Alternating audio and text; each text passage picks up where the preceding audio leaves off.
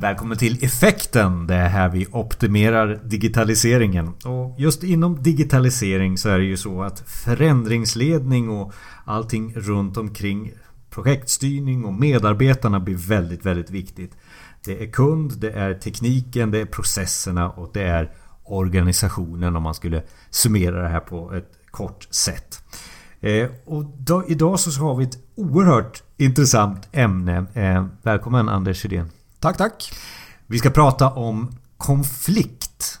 Vad betyder konflikt? Vi ska gå in lite på hur du hanterar en konflikt och våra erfarenheter, både din och min erfarenhet om det här och hur man löser det hela för hela organisationen eller projektgruppen eller individen egentligen.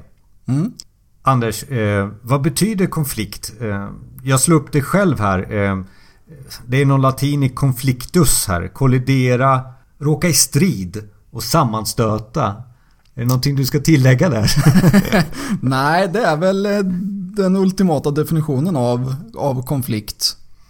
Konflikt för mig är när två personer eller flera personer inte är överens om någonting. Ehm, det kan vara allt ifrån en småskalig eh, konflikt med tjejen hemma till exempel om vem som gjorde kattlådan senast. Eller det kan vara en... Eh, ta Palestina, Israel. Där har vi konflikt.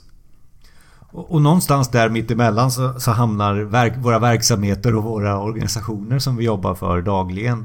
Och just det här med, vi tar ju upp digitalisering, men i digitalisering så handlar det väldigt mycket om att det kommer ske en förändring på något sätt. Är det korrekt det här med att en konflikt handlar om att någon blir lidande i slutändan? Eh, verksamhet eller du som konsult eller?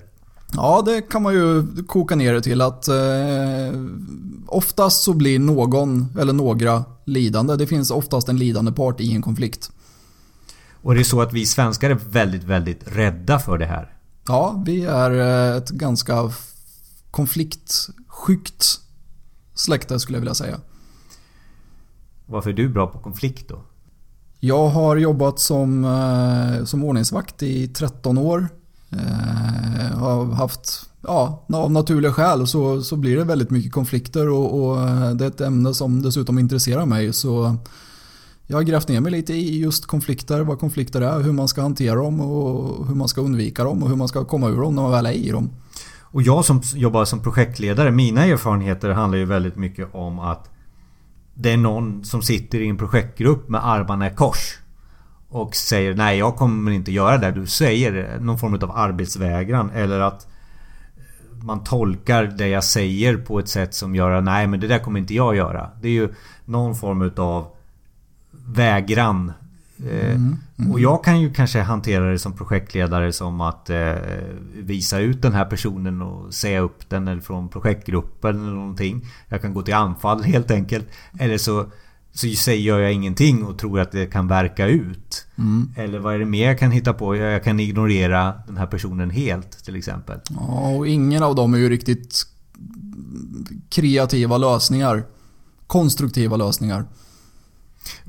Finns det något så här... Eh, när jag säger så här eh, arbetsvägran. Finns det någon så här... Ja, de är på den här nivån nu i, i, i konflikt. För det, finns det några så här nivå? Ja, det finns någonting som heter eh, konflikttrappa, eller kallas konflikttrappa i alla fall. Eh, som består av ja, i runda slängar nio steg. Den kan vara lite olika den här trappan. Men nio steg är väl de vanligaste stegen. Eh, där man oftast kommer in i en konflikt på um, någonting som kallas för hårdnade ståndpunkter. Och det är ju eh, argumentationen börjar bli lite mer aggressiv. Det börjar bli spänningar. Man kanske, ja, mindre sammanstötningar. Där, där har vi in, invägen, första steget i eh, trappan. Så, så det är min, min, min det här arbetsvägran, det är första steget till eh, en konflikt egentligen? Ja, det skulle jag vilja säga, helt klart. Vad händer med den här personen som nästa steg då? Eh, vad förvänt vilka förväntningar har jag? Om du sa att det var nio steg från det så... Ja, nästa steg det blir ju någon form av eh, lite mera hetsig debatt. Man, man börjar eh, befästa sina positioner, man, man kan komma med lösryckta argument. Eh, man kan eh, börja förlöjliga sin motpart till exempel. Så det gjorde vi inte på förra jobbet? Är det en, en sån fas? ja, det är en sån fas till exempel. Man, ja. man börjar man, lite löst gruppera sig kan man nästan säga. Okay. Eh, efter det sen så kommer eh, steg tre som är handling istället för ord.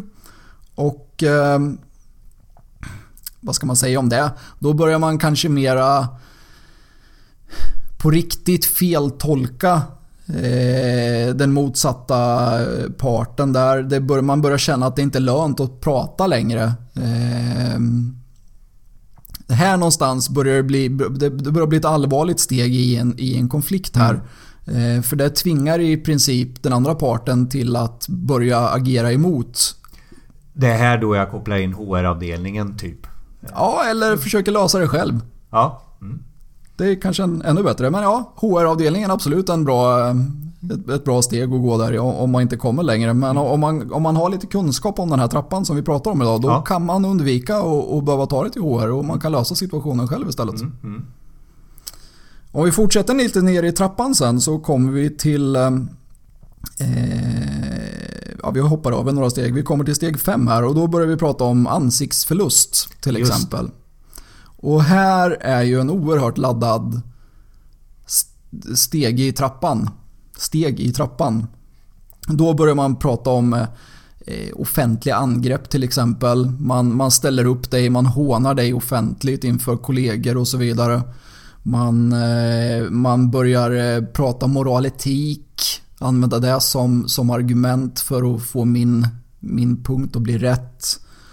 Eh, man kan börja isolera, alltså skjuta ut dig ifrån. Man, man bildar grupper och man försöker få dig att inte bli, bli involverad mer i, i gemenskapen i teamet till exempel. Och sen efter det så kommer vi till hot och ultimatum.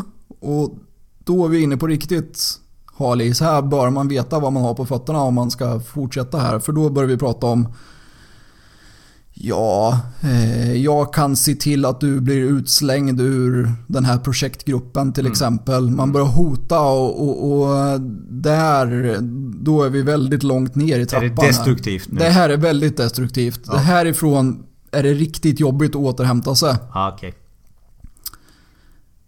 Don't go there alltså. Nej, nej, försök hålla sig ifrån. Och när man pratar rent generellt om, om konflikttrappan så brukar jag försöka göra en liknelse här. Att man, man är på väg ner för ett, eh, en trappa, en vanlig trappa och man har en tung flyttkartong i händerna. Mm. Och det är ganska lätt att kliva ner. Men att gå upp för den här trappan det är ju betydligt värre.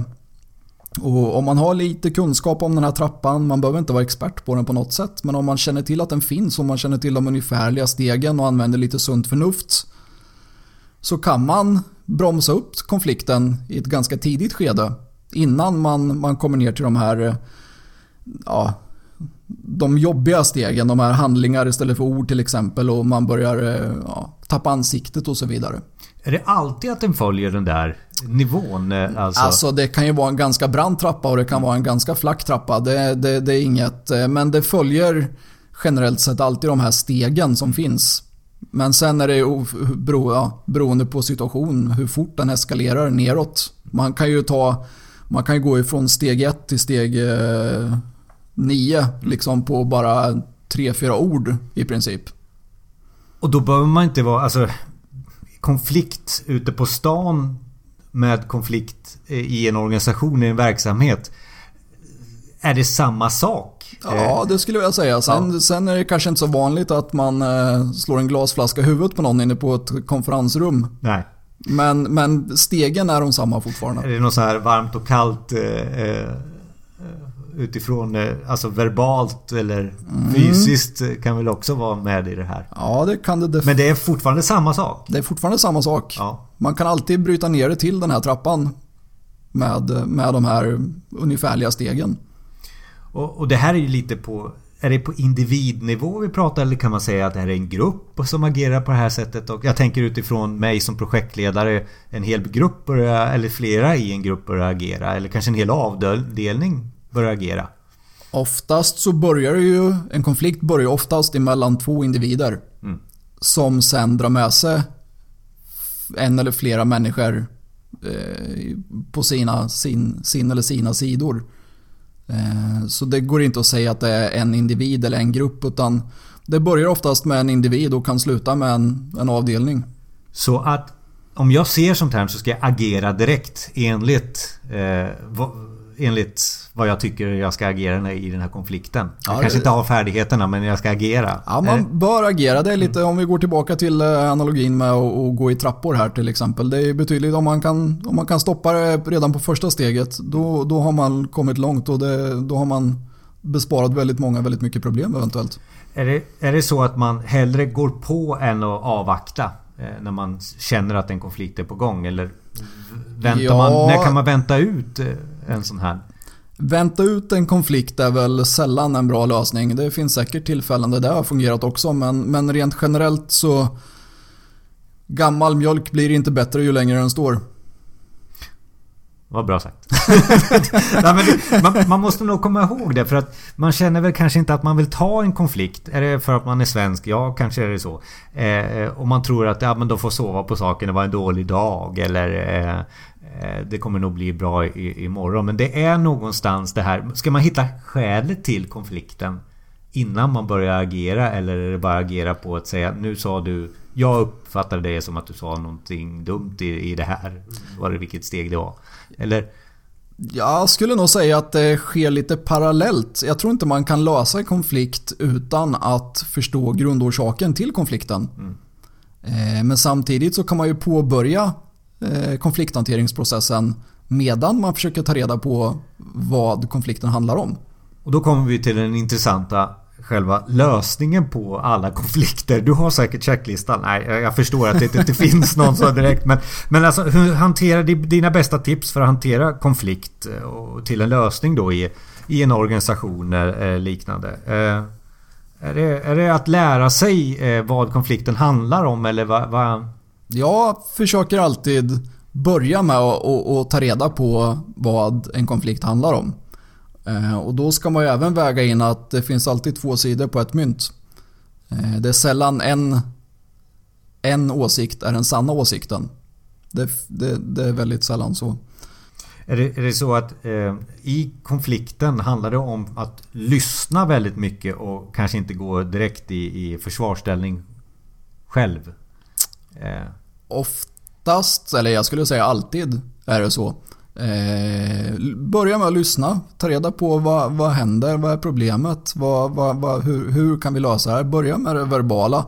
Att gå in i någon form av försvarsställning eller försvarsposition eh, har oftast en negativ eh, utgång ändå. Det, då känner motparten, eller om man nu ska använda ordet motpart, men den, den andra sidan så här, känner att nej, det här, nu, nu är det något på gång här. här.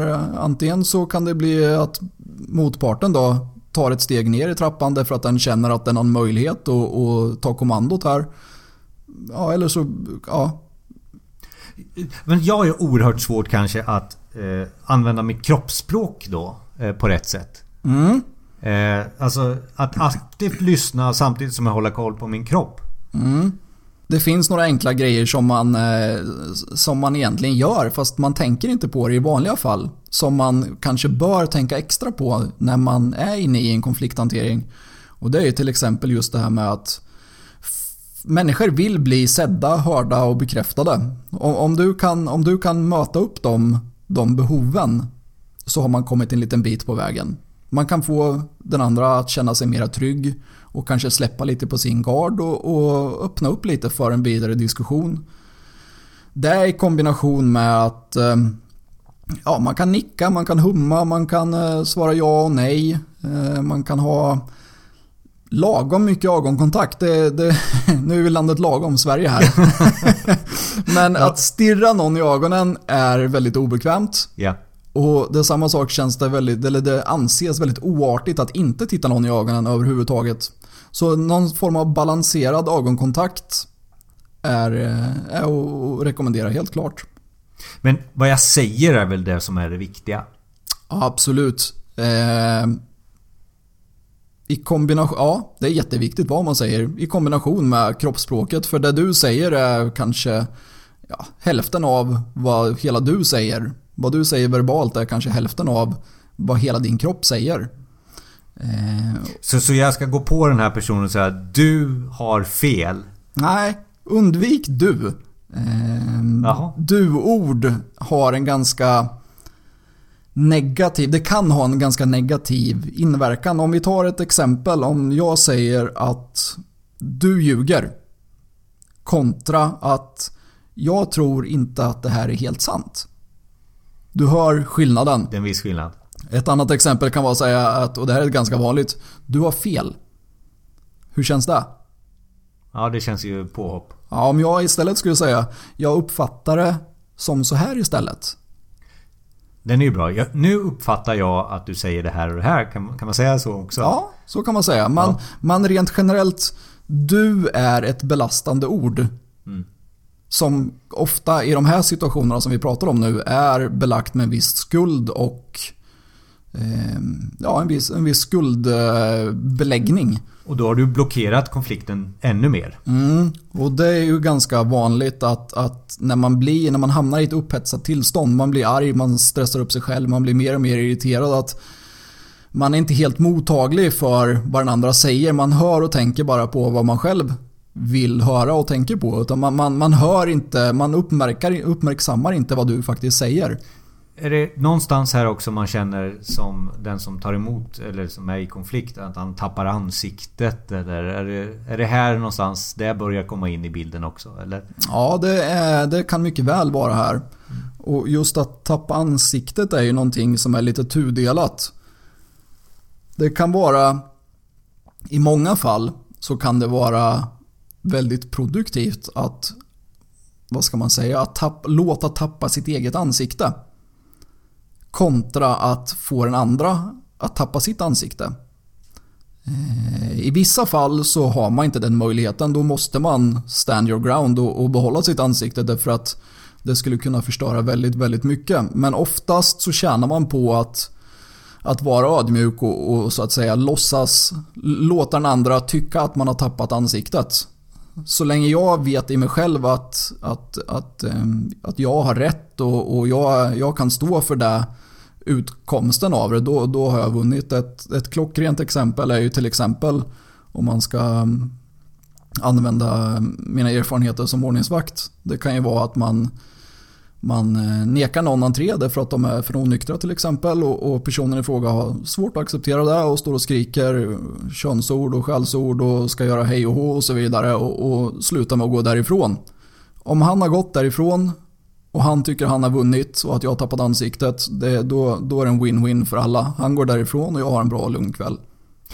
Välj dina strider. Eh, ja, välj dina strider, så. helt ja. klart. Det, mm. det, mm. det är bra. Mm. Så om vi summerar det här med konflikt. Hur jag ska hantera en konflikt. Så handlar det om att vara aktivt lyssnande. Mm. Det handlar om kroppsspråket. Det handlar om ett jag-budskap. Och det handlar om att värdera din strid. Alltså för att tappa ansiktet eller inte. Eh, mm, ja. Ska du strida för det eller så? Ja. Är det den korta versionen? Det är den korta versionen. Var uppmärksam. Var preventiv. Försök, eh, försök ha lite tentakler ute. Känna av stämningen på kontoret så, eller på, på stället där man är så ja, mycket som möjligt. Om man uppfattar att eh, börjar det lukta lite surmjölk börja sniffa upp var där glaset står någonstans. Anders Edén, det här är ju oerhört intressant. Jag får tacka så mycket för eh, pratstunden om det här. Och all relevanta, alla relevanta länkar lägger vi in på effekten.se. Tack Anders återigen. Tack så mycket.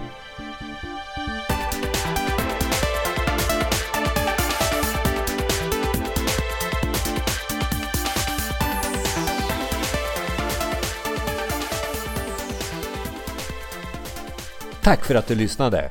Dela gärna med dig av kunskap, idéer och frågor till oss. Vi finns på iTunes och där du hittar poddar och självklart på effekten.se.